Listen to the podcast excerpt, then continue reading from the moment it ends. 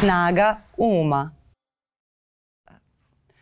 Dobar dan, dragi ljudi, dobrodošli u podcast Snaga Uma. Ja sam Miljana, ovde iz ponedeljka u ponedeljak nastojimo da razgovaramo, da se informišemo, da se inspirišemo, da zajedno razmišljamo. Moj današnji gost je istraživački novinar Vuk Cvić i jako se radujem da sa njim razgovaram o kritičkom načinu razmišljanja koji se već u mnogim zemljama uči i u školi, kod nas manje. Zato mislim da je mnogo važno da, da o tome govorimo, da vidimo kako kritički razmišljaju ljudi koji su profesionalci, kako istražuju profesionalci, a kako to rade ljudi koji možda nemaju dovoljno znanja i alata da tome pristupe na pravi način, pa uh, često odu u pravcu uh, pogrešnih uh, informacija, dezinformacija uh, i nekih možda čak loših ideja. Vuče, dobro mi došao. Hvala na pozivu. Kako si? Vruće. Pa. Hvala ti mnogo što si došao. Kako ti se čini ova tema? Jesi li razmišljao o toj uh, prosto praksi koju stekneš radići u medijima i istražujući najozbiljnije teme uh, u toj svakodnevnoj uh, u svakodnevnom pristupu i informisanju i svega i koliko se to, koliko se to razlikuje, koliko ti možda dolazi prirodno uh, nešto što se ljudima uopšte ne podrazumeva naprotiv? Pa, sad ne znam da napravim tu granicu, ali mora čovjek koji je novinar. Ja ne verujem u tu podelu na istraživačke novinare i neistraživačke. Vi kad ste novinar, po vokacije da nešto objavite, nešto istražite. E, ne prenosite samo vesti. E, ne držimo mi mikrofon ili beleške da zabeležimo šta drugi kažu, nego postavljamo pitanja. A, delim ih na one koji jesu, pa mogu da budu dobri ili loši. I ne znam novinara koji nije pogrešio. Ali oni koji namerno greše, to je već nešto drugo. To nisu naše kolege. To je laganje. To je laganje. A, a kako izgledaju te greške? Da li se sećaš nekih? Ne moraš sada da navodiš konkretne, ali taj osjećaj kad shvatiš da si pogrešio. Pa sećam se, mislim, nije... To niko ne zaboravi. sećam se greške, pa i nedavno sam, kada sam pisao tekst koji je svima opšte poznat, pogrešno sam napisao i nažalost broj ubijenih. Pogrešio sam u tom, zato što se podrazumuje, a pogrešno sam otkucao i nisam gledao a, posle da ispravim, jer je to nešto što znam. Tako da E, to je uvek na oprezu. Da. da. I stvari koje vam se podrazumevaju treba po, proveriti. I koji je to taj moment kad, ne znam, izađe u štampu ili to i kada vidiš, jer ti to onda krene onaj hladan znoj, kako, kako se to manifestuje kod tebe? Pa, tu, meni je bitno da nekog ne oštetim u toj e, grešci. To je već e, teži stepen možemo da pogrešimo i prezime, ime, napravimo i veće greške, dešava se, naročito ako dugo radite. Ja stvarno ne znam kolegu, počeši od sebe, koji ne pravi greške. Nenamerne. Jeste. O, a kako, kako izgleda taj proces uh, dođe do tebe informacija da se negde dešava neka muljavina? I sad, do svih nas dolaze, dolaze te informacije. Kako razvrstavaš Šta odbacuješ?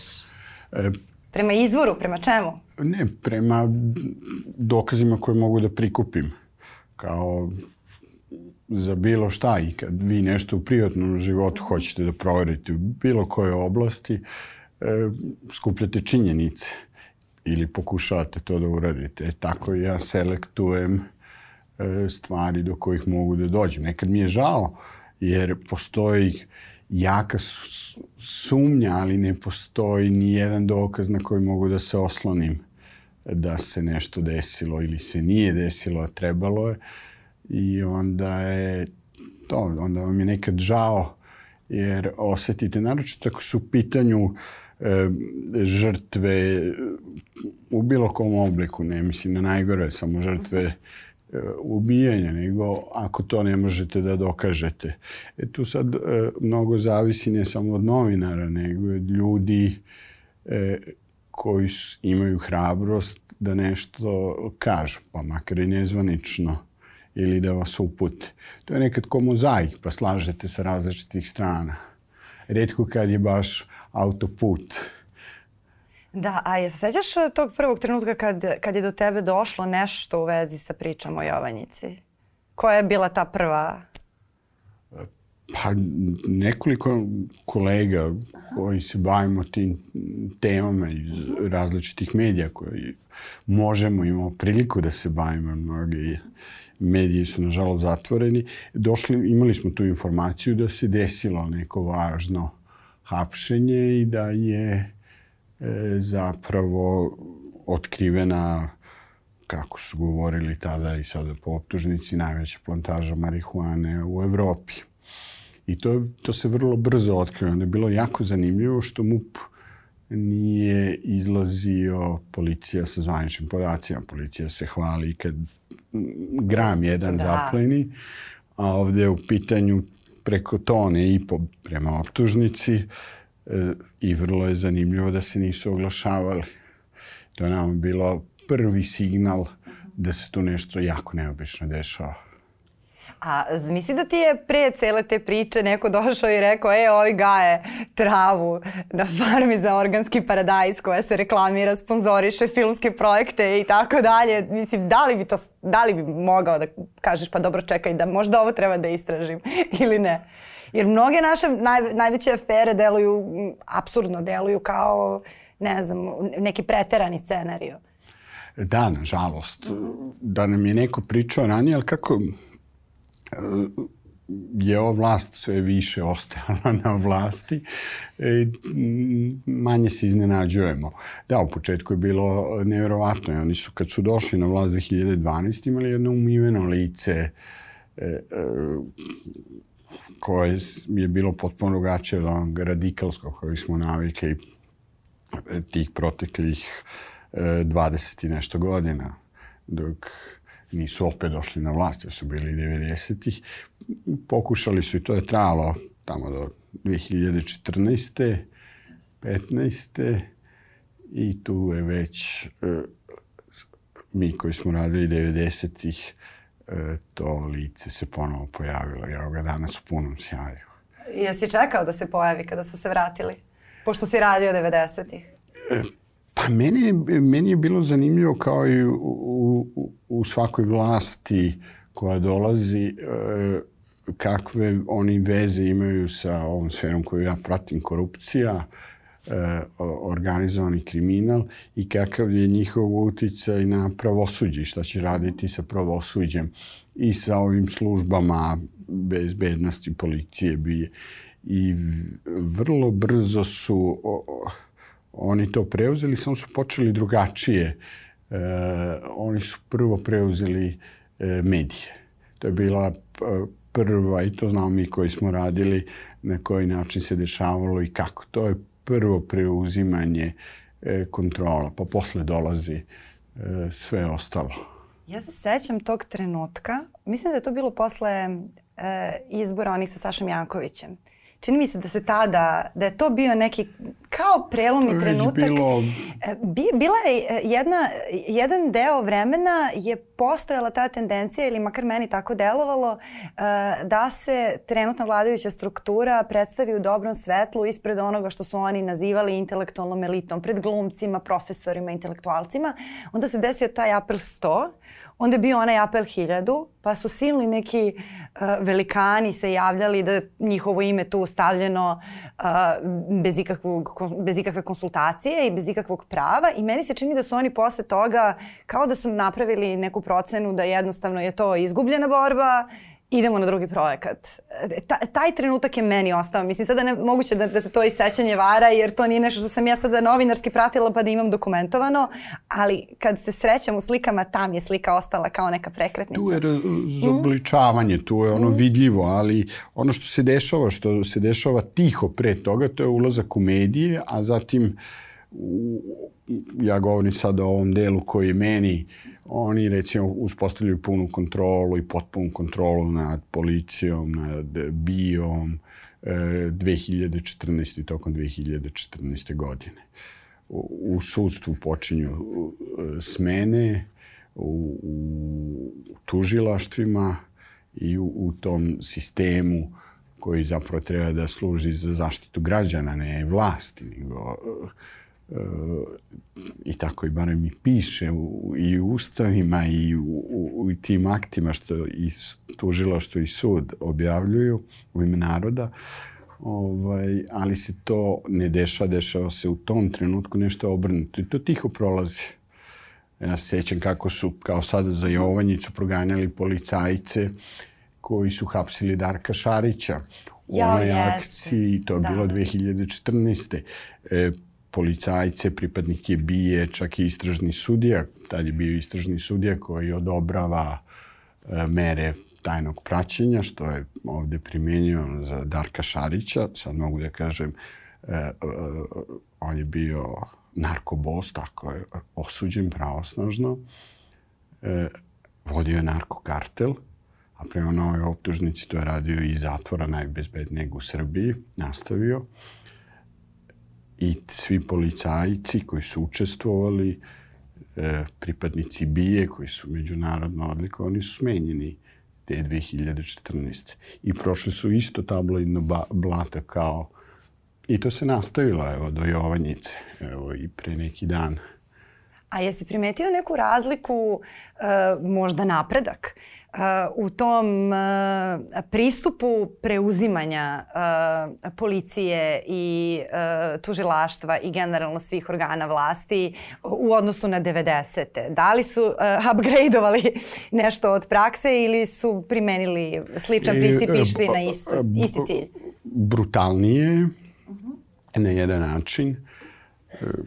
Različito od 90-ih de, prvo dovedeni su ljudi e, koji nikakve veze nisu imali sa tim službama da ih vode. Ne mislim samo na ministre i šefove bije, nego su tu postavljeni ljudi u SBPOK-u koji su radili kao konobari ili mesari. To je služba za istraživanje organizovanog kriminala u policiji i tako dalje. Tako da tu i po dubini čak su postavljali potpuno, pa Dijana Hrkalović, koja kaže za sebe ja sam profesionalac. Pa možda ako policajac treba da se druži sa huliganima i tako stekne iskustvo a da ne radi u policiji dok to radi. Da, ona je vrlo eklektična ličnost, ima doktorat iz psihologije, e, taj navijački staž, e, u policiji vrlo različite aktivnosti, e, čas je heroina, čas je ovaj, dežurni zlikovac, vrlo, vrlo eklektična ličnost, ako mogu tako da nazovem. Pa ona je da. saslušavala da. policajce kada ih je, na primjer, Darko Šarić utuživao i po istom sistemu kao danas za Koluviju, to je bilo za Darka Šarića 2014. Ona je vodila praktično policiju sa mesta sekretara uprave kriminalističke policije. Promenjen je zakon da bi ona mogla da bude taj unutrašnji akt, da bi ona mogla da bude uopšte izabrana za to. Dobro, e, da, ali e, njeno ime, e, ime Veljka Belivuka je, pa ča, da ne govorimo u policiji, ali čak i među nama novinarima bilo poznato mnogo pre nego što su oni postali neka vrsta tabloidnih zvezda i dok njihovi slučajevi i njihove karijere nisu postale deo tog jednog tabloidnog realitija u kojima su, igraju danas jednu ulogu, sutra drugu i, i više ljudi ne znaju, ne mogu da pohvataju ni, ni šta sve rade, nego se vode vode nekim, ne znam, hrizmama, možda u proceni. Uh, kako se sećaš uh, tog perioda uh, i, i kako si ti uh, pristupao informisanju o njihovom liku i delu kada su prvi put informacije uh, o njima došle do tebe? Mene ličnosti ovako da. ne interesuje, nego pa me da, interesuje kakav trag o, o, ostavljaju od ovog što je interes javnosti. Ja, nisam ih ja postavljao na ta mesta, znaju se ko ih je postavljao. Kako je Dijana rekla jednom prilikom sunce, to je naš srpski luj. E, kralj sunce. To Tako sam potisnula, ona... toga baš nisi morao me podsjećaš. Dobro, idemo dalje. ja nemam tu odgovornost, ali oni imaju i ima on, on ih je birao. Ne, ali pitam te baš zbog toga, zato što e, možda na, baš na tom primeru možemo da i, i, i da napravimo e, dobru paralelu između toga kako ti kao profesionalac pristupaš nekom šuškanju, jer se o njima prvo šuškalo, e, a kako bi to radili ljudi koji možda nemaju tu neku vrstu novinarske obuke, jer ljude obično prvo zanima ličnost. Tad sam počeo, tad je to. počelo... Ljude, ljude je zanimalo to, s kim je ona u vezi. Znači te neke stvari koje u njenom konkretnom slučaju možda i jesu bile relevantne, ali opet nisu bile najrelevantnije. Nije ono od čega počinje novinar da kažem. Ne, ne, nije. Mhm. bi, ja i o tome ne pišem čak. Da, da, pa i nije te. Možda je za... I to pišemo ako bliski saradnik, nas ne interesuje ta relacija, da li je neko u emotivnoj vezi ili ne, ali da li sarađuju u nekim stvarima koje su sumnjive, da. E, e, I tu je počelo iznenađenje nas, novinara koji pratimo to, koliko je to postalo javašluk i da tu nema niko ili niko nije bilo tim službama, pošto su svi oterani, mm -hmm da im kaže pa tako ne može da se radi. E, to nije dobro. E, ne samo za građane, nego čak ni za vas nije dobro, jer snosit ćete posledice. Neke stvari da. ne zastarevaju. Ako ništa, postoji politička odgovornost. Vi ste tu postavljeni, da ne govorimo krivično, mislim da će o tome govoriti jednog dana i sudovi i tužilaštva, ali politička sigurno postoji. A meni nije jasno kako tu nije bio niko da, da im kaže ovo nije održivo. Kao ne mogu kuću da ti grade ljudi koji apsolutno ništa ne znaju o građenju kuće i da očekuješ da se ona ne sruši nikad. Kao nije održivo, mora neko da zna Ali, Pitagorinu teoremu u toj ekipi. Oni još veruju u to. Mm -hmm. Ništa se nije promenilo. A misliš da se ništa nije promenilo? Apsolutno ne u ovim stvarima. Na čelu bije Baštovan iz Jovanjice, e, a na, ministar unutrašnjih poslova je čovjek koji se dopisivao sa prvooptuženjem za Jovanjicu, pa o čemu pričamo. A kako ti analiziraš te korake? Jer jedan od tumačenja i sada kada su se dogodili uh, zahtevi protesta koji su vrlo jasni po pitanju smena uh, što uh, Aleksandra Vulina, što Bratislava Gašića, uh, jeste to kao, kao jedan od predloga je bio da na Gašićevo mesto dođe bivši ministar Lončar. I sad tu je jedno od tumačenja da su svi ti ljudi koji jedni druge zamenjuju uh, u tim strukturama uh, u očima jednog dobrog dela javnosti isti zato što oni nemaju drugi druge. Je li to tako tumačiš ili imaš neko drugo razmišljanje da je to zapravo planski, da tu postoji jedan, ne znam, krug poverenja uh, iz kog ne sme da izađu, uh, iz kog ne smeju da izađu te glavne poluge vlasti. krug poverenja, to je krug interesa. I taj Ucenjeni, krug, da, da, neke. Pa ne znam da li su, da, možda međusobno, ali to je krug interesa i načine koji se štite. Zapravo niko iz ove vlasti ne odgovara. Pa čak i kad govorimo o Dijeni Hrkalović, taj postupak je počeo, ona e, za svašta su čak i tabloidi u jednom trenutku i onda se preokrenulo kad je uzela novog advokata, ona je postala opet heroina. Znači, nema odgovornosti nikakve ni za koga u ovoj vlasti i to nije nešto što je primarno za političke organizacije tako ne funkcionišu političke organizacije. Postoje odgovornost. Vi kao političar kad neko napravi grešku iz vaše stranke, pokreta, vi se ogradite zbog e, javnosti. E, druge organizacije sa one strane zakona se ponašaju ovako. E, one su te koje ne sme niko da izađe da e, propeva i to se vezuje za nažalost organizovan kriminal. Jer tu kad se izvuče jedna cigla, preti da se uruši cela piramida. A, ti kao, mislim, baviš se veoma dugo pitanjima korupcije i samim tim pratiš i reakcije javnosti na različite afere koje podrazumevaju korupciju. Kakav odnos mi kao društvo imamo prema korupciji? Da smo navikli. Pa to, to, to te pitam. I sada smo tako duboko navikli da nas više ništa ne iznenađuje. E, razmere korupcije su dostigle to nisu moje ocene, mogu da budu i moja, jer pratim to, ali su to ocene i relevantnih e, srpskih institucija i organizacija, ali i međunarodnih organizacija. Mi smo jedna od vodećih zemalja po korupciji. I stepen te korupcije je toliki da nas više ništa ne iznenađuje. E, da mi iznosimo u, u, neke proste činjenice, ne mi, na, na sreću ima još hrabrih ljudi u Srbiji kao Aleksandar Obradović iz Krušika, ovaj, koji je otkrio tu zaveru i tu koruptivnu zaveru na najvišem nivou u, u srcu vojne industrije, koja je jedna, mogla je da bude jedna od, nažalost, u svetu se vode ratovi, da. pa je potrebno oružje, a Srbija ima fabrike, ali fabrike koje, od kojih većina Grca u, u dok su puni džepovi privatnih trgovaca koji su, gle čuda, vezani za vlast. Ili direktno ili indirektno. A, a kako um, imaš iskustva i sa izvorima?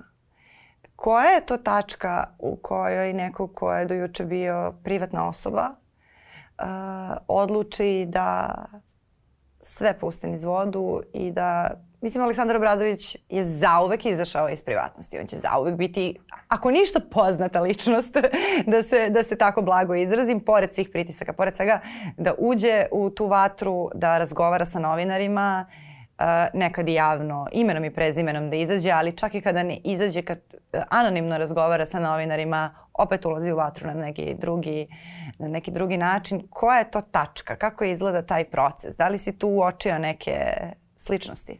e, hrabrost kod tih ljudi prevashodno. Uh -huh. e, hrabrost zato što su na, žalo svesni u kom okruženju i društvu žive i e, svesni su posledica. Nije to ona vrsta hrabrosti možda mi se i neće desiti. E, ja sam pričao sa Aleksandrom, on je ne, očekivao, nažalost, e, da može da mu se desi to što mu se i desilo i opet je išao u tom pravcu.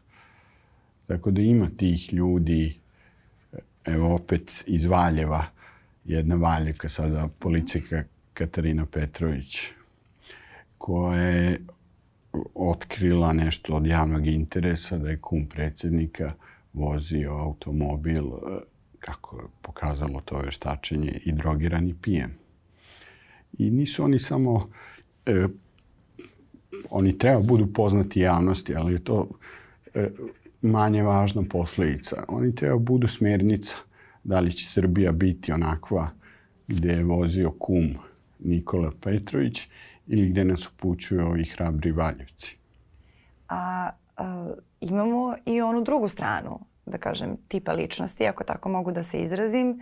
Ljudi koji to sve vide i koji uh, uopšte ih ne osuđujem da se razumemo, uh, koji će staviti prioritet, uh, racionalizovaće svoje čutanje kroz brigu o svojoj porodici, na primjer, ili, ili tako nešto. Uh, što je vrlo pipavo je o tome govoriti u javnosti zato što će, neminovno dolazimo do, do te tačke u kojoj ćemo malte ne njih da krivimo za tuđu korupciju, za tuđi kriminal i tako dalje. Uh, mi, mi kao građani nismo dužni svi da budemo policija u izostanku policije, ali opet s druge strane kakve su to uh, priče i koji je tu ugao gledanja? Da li si imao iskustva sa tim ljudima koji će ti reći nešto ali samo off the record da bude uh, uz to objašnjenje ne mogu ja, brate. Pa tu ima mm. protiv teže dve. Mm -hmm. e, jedna je da naravno oni mogu otkrivanjem nekih stvari čak i ako je anonimno vi ne možete nikom garantovati da mu se neće desiti nešto ma kakve mere opreza preuzeli. Uvijek postoji ta sumnja da može da se otkrije izvor. Ali to je jedna strana i treba predočiti ljudima, to je jasno. S druge strane, o, ovakvi sistemi kakav mi imamo ne, no, no dovode do toga da će svima nama zakucati na vrata. pa da li da čekamo da svakom od nas zakucaju na vrata ili ćete u jednom trenutku istupiti. Bez obzira koliko se vi uljuljkivali u priču da štitite svoju porodicu i da je tu granica, zakucat će i na ta vrata. I ne znate zbog čega. Da li zbog u zdravstvu, da li u sudstvu, e, da li u policiji, da li prilikom prodaje nekretnina ili bilo koje veće kupovine može da vam se desi nešto gde nećete imati drugu zaštitu osim javnosti. E, šta misliš o, o toj priči koja se dosta sada potencira s razlogom da su ljudi bezbedni samo u javnosti. Imamo e, sve više žena koje preživljavaju nasilje godinama, e, koje iz očaja zbog nereagovanja institucija koje odbijaju da ih zaštite i straha za svoj život, za život svoje dece, se obraćaju medijima što opet ja kao, kao neko ko se bavi etičkim izveštavanjem i tako dalje, tu ima mnogo, mnogo razloga zbog čega to ne bi trebalo da se desi, ali opet s druge strane mora, jer nema drugog, drugog načina. Šta misliš o tome koliko su ljudi zaista, koliko javno zaista može nekoga da zaštiti? Pa nažalost to se pokazalo u nekim slučajima e, zapravo u većini kada je tako javno da je to jedna zaštita. Ona nije potpuna. Da ne možete pojede mrak kad si pod reflektorom. Da. Da. To, to, ni, ona to. nije potpuna. Ti ljudi snose posledice. Aleksandar Obradović bio u zatvoru tajno uhapšen, posle je pušten. On je još pod tom istragom koja traje četiri godine i, i, i ne daju mu u Srbiji da živi normalan život. Ali je barem uh, u tolikoj nekoj manjoj meri zaštićen uh, javnošću. Isto je i sa, sada sa policajcima iz Jovanjici, sa mnogim drugima koji su istupili uh, štiteći javni interes pre svega. Ali govorili ste o ženama i, i nasilju. Da, i one traže javnu zaštitu i potrebna je javna zaštita, ali mislim da smo mi malo okoštalo društvo i mislim da je korisno uh, uh, da ljudi budu svesni da nažalost u Srbiji tako nasilje postoji. Jeste, da, I to da stoji. ono čak ima i zaštitu nekim e, sredinama i nekim grupama kao maltene normalna pojava. I da protiv toga moramo da se borimo, da nasilje nije dozvoljeno i da mora da bude kažnjivo. Na šta mene tu brine? Jer ukoliko recimo govorimo o potencijalno ugroženoj bezbednosti nekoga kao što je Aleksandar Obradović ili kao što su policajci iz Jovanice ili ljudi koji se bave, koji su, da kažem, prodrmali neku vrstu ozbiljnog koruptivnog osinja, neki osinjak zakačili. Dakle, njihova bezbednost je stvar nečeg proračuna Dakle, to nije nešto što može baš sada da se desi uh, iz nehata i što je iracionalna odluka. To je neka relativno uh, jasna pretpostavka zbog čega. E, I onda u tom smislu može da, se, može da se kaže da su oni bezbedniji u trenutku kada cijela država zna za njih nego kada niko ne zna za njih jer su kada niko ne zna za njih važni samo svojoj porodici ovako su važni celoj državi e, i svako ugrožavanje njihove bezbednosti je i ugrožavanje opet političke bezbednosti nekog drugog. U tom smislu vezuju se za uh, ovaj, taj, taj neki su... Opšti osjećaj da, sigurnosti. Da, i onda, onda je logično da se nekome ne isplati da ugrožava i maltretira te ljude. S druge strane, porodično partnersko nasilje je druga vrsta nasilja. Da, e, potpuno. I, I mene brine da, da, to, da ta formula koja je vrlo primenjiva za politički progon u ovom slučaju isto može da nam se obije o glavu jer mi šaljemo poruke tim ženama da one nisu same. Ali to je samo, mi njima dajemo zaista samo jednu moralnu podršku koja jeste važna, ali opet ne znači ništa kada neko dođe upari vam pištolj u glavu i kaže ubiću tebe i sebe. Mm. E, prosto nije, nije isto i to me, to me brine o tome dosta, ne, dosta to je potpuno različito i tu treba prvo tim stručnjaka i ljudi koji se bave. Nije o tome ni lako pisati, vrlo morate da budete oprezni i senzitivni. Nije to... E, ovo čemu smo da, da, pričali, da. gde su stvari jasne. Ako imate korupciju, neko krade, da. neko je lopov. Ovde je vrlo osetljivo zato što vi možete svojim pisanjem da ugrozite e, i neki budući život e, žrtve nasilja. I to je malo drugačije. Ne samo porodično, bilo kog bilo nasilja. Kog nasilja da. Kada pišete o žrtvama, vrlo e, oprezno morate da uh, tu opet skrećemo pažnju na smernice za etičko izveštavanje rodno zasnovanog nasilja, grupe novinarke protiv nasilja, gde je sve opisano kako da to radite, a da nikoga ne ugrozite. I vas posle ovog disklejmera možemo da nastavimo dalje, izvini, ali znaš zašto sam pa ovo uradila. Isto kao što ti možeš ono kodeks novinara i te neke stvari da, da istakneš. Ne, ne, to, to jesu je... stvari bez kojih ne možeš. Da, da, ja kad pišem ja volim da se posavetujem s nekim ko je upućeniji, jer meni to nije toliko česta tema porodično nasilje. Mm -hmm. ovaj, sa nekim ko bi mi pogledao i rekao, s kojim bi pričao kad pišem o tome, da mi skrene pažnju. E, nije i to je neki savjet za kolege. Ako baš ne znate, ja mislim da ja ne znam mnogo o tome. Pratim, da, jasno. znam, ali nisam. I, i, i, i uvek onda nije loše posavetovosti. Dobro, to mi je ta tema uh, koja me brine već godinama i ta teza da smo bezbedni pod reflektorima uh, na Novoj, na N1, na, u tih nekoliko, na nekoliko portala i magazina, da te to ipak čini bezbednijim i, i, i da je zabluda da treba da ćutiš i, i da trpiš, jer onda, iako se malo zameriš, možeš da snosiš posledice, ako kada izađeš nekako uh, si zaštećeniji. Mene brine koliko, koliko ljudi ti reflektori mogu da podnesu podnesu, jer je sve veći procenat, malte ne, doćemo do toga da je većina Srbije za reflektore. I kao, koli, dokle to može, mislim, koliko, koliko to može, mogu mediji da izdrže, jer mi, i ti i ja znamo da mediji ne služe tome. Pa nije mm. pitanje koliko mediji mm. mogu da izdrže, nego koliko građani pristaju na jedan sistem ili ne. Da. O tome na kraju oni odlučuju i tako treba da bude. E, vidjet ćemo kada će se desiti promene, kao i svuda, one su spore e, nažalost i u ovom delu Evrope vidimo nažalost da su spore kod nas. A da li... Pozitivne promene. A kako si, um, jer opet kada pišeš o korupciji, onda neminovno pratiš i reakcije uh, vlasti na, na svoje pisanje, a i na pisanje kolega i koleginica koje se bave bliskim temama, uh, pa onda i te, ta objašnjenja, spinove i načine na koji se te priče deformišu možda u očima javnosti i koje si tu modele primetio kao možda neke naj, uh, najčešće i da li se oni menjaju s godinama? E, ono što je sada primetno već poslednjih nekoliko godina, pa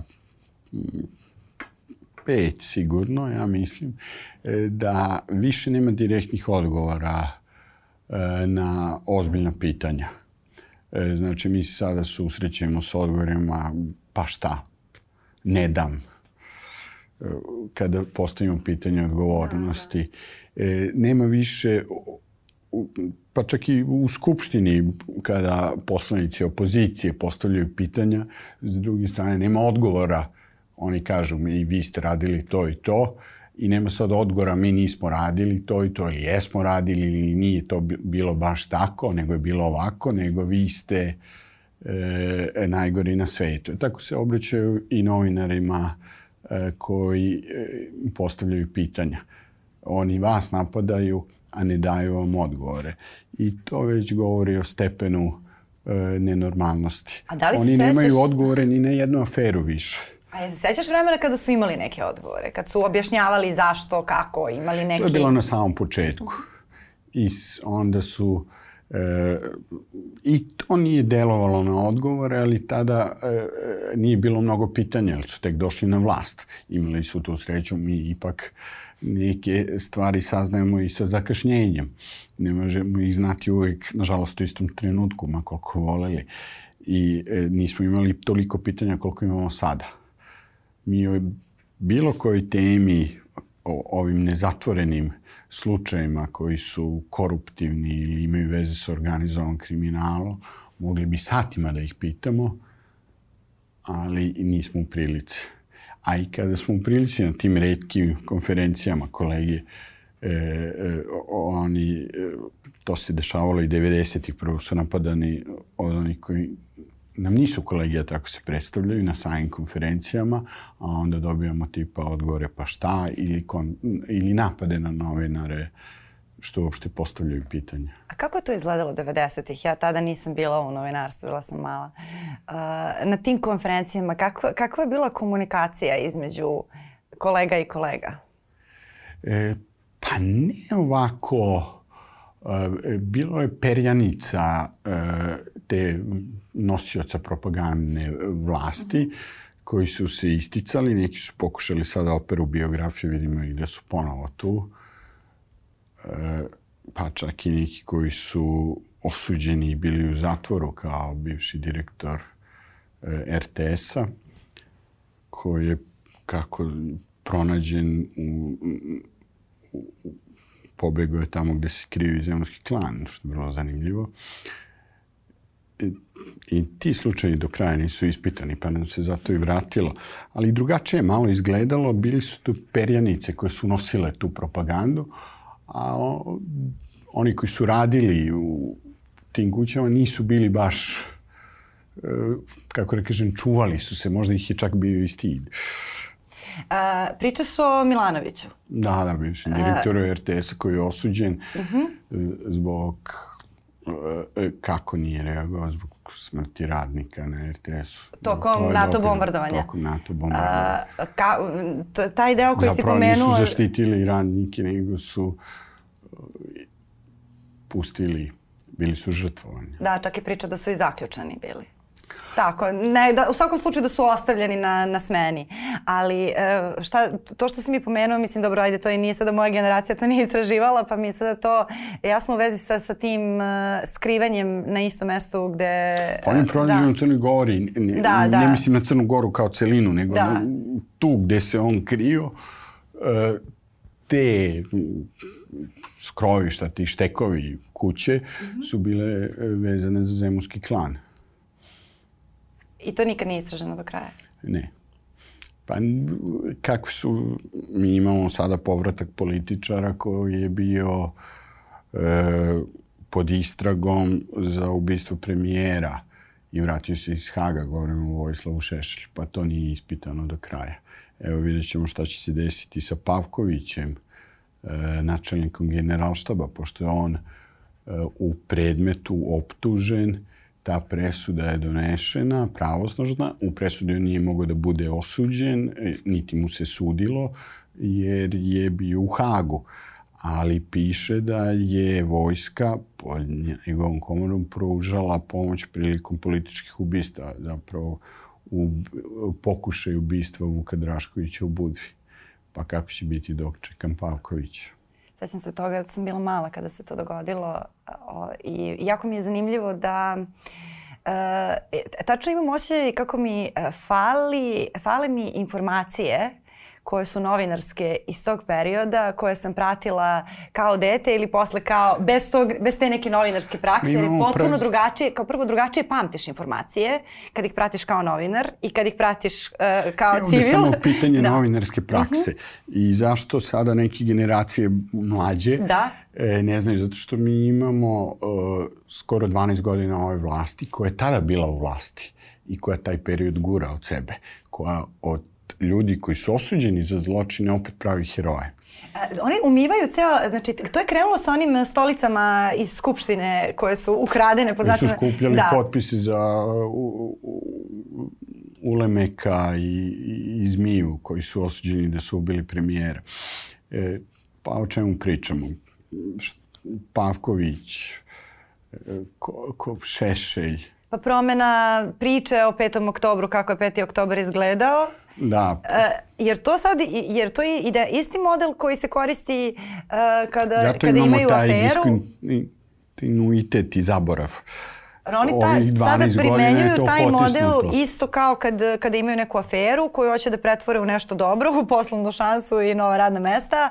Tako isto i sve te 90. Ja sam slušala sada skoro uh, uh, predsednika Vučića ko, u Ćirilici na, na televiziji Happy gde je rekao kako se eto Milošević trudio, ali on je imao, uh, država je tada bila slaba, drugačija je bila međunarodna uh, situacija. On je pokušao da dovede olimpijadu ovde, nije uspeo i zato što nije uspeo, zato su izbili ratovi. Mislim, to je baš kao gde izbiju ratovi zato što ne uspeš da dovedeš na olimpijadu. Ok, ta priča, možda bi to ona odložila, ali mislim, kao koja je to, koji je to ugao jedan Pa to mu nije baš srećan paralela. Pa, bila je zimska olimpijada ona, u Sarajevu. Ti nju kada pogledaš, to je potpuno besmislena paralela, ali je tu toliko informacije on posložio i način na koji on govori o Miloševiću kao o nekom dragom čovjeku. Milošević je bio, do, kao sad, ne znam, mi da pričamo o, o nekom starijem kolegi sa kojim se Milošević u pravosnožnoj presudi za ubistvo Ivana Stambolića i atentat na Vuka Draškovića u Budvi piše, i to je pravosnožna presuda, koja je tada, tako je bilo u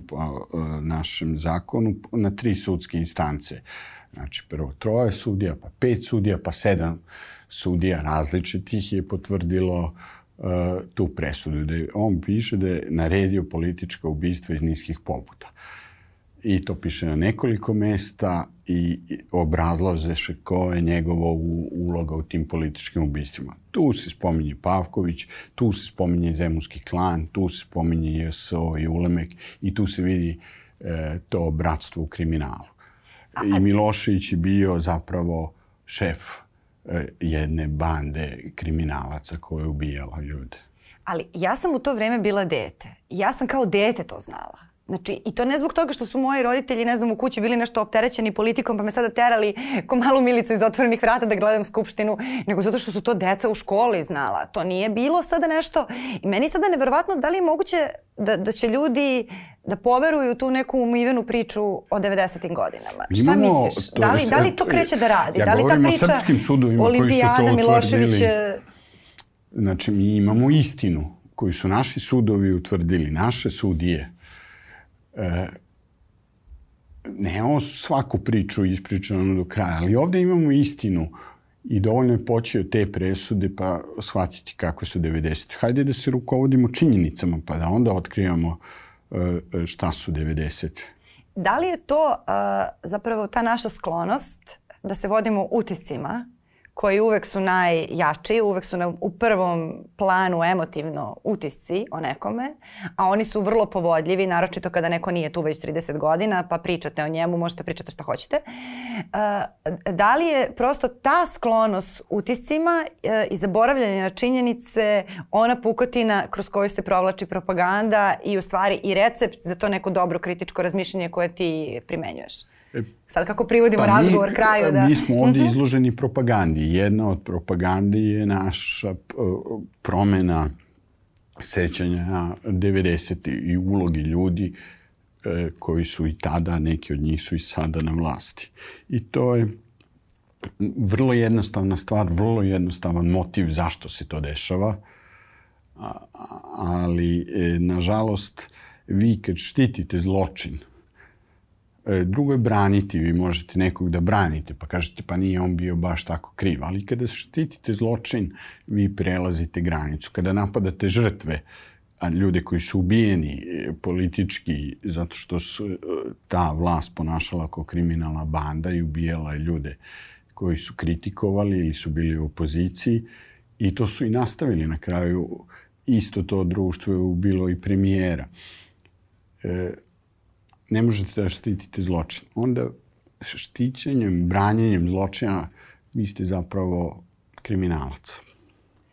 A, a sada kako stvarno privodim u kraju da ne bih probila sve moguće termine, moram da te pitam nešto što meni nije jasno. Jer svi mi se trudimo da analiziramo vreme u kom živimo, da pronalazimo uzročno-posledične veze i da razumemo neke potese, čak i one koje osuđujemo, a većinu osuđujemo, da razumemo zbog čega se nešto radi. Ok, ovo se radi iz interesa političkih, koruptivnih, ovih, onih i tako dalje.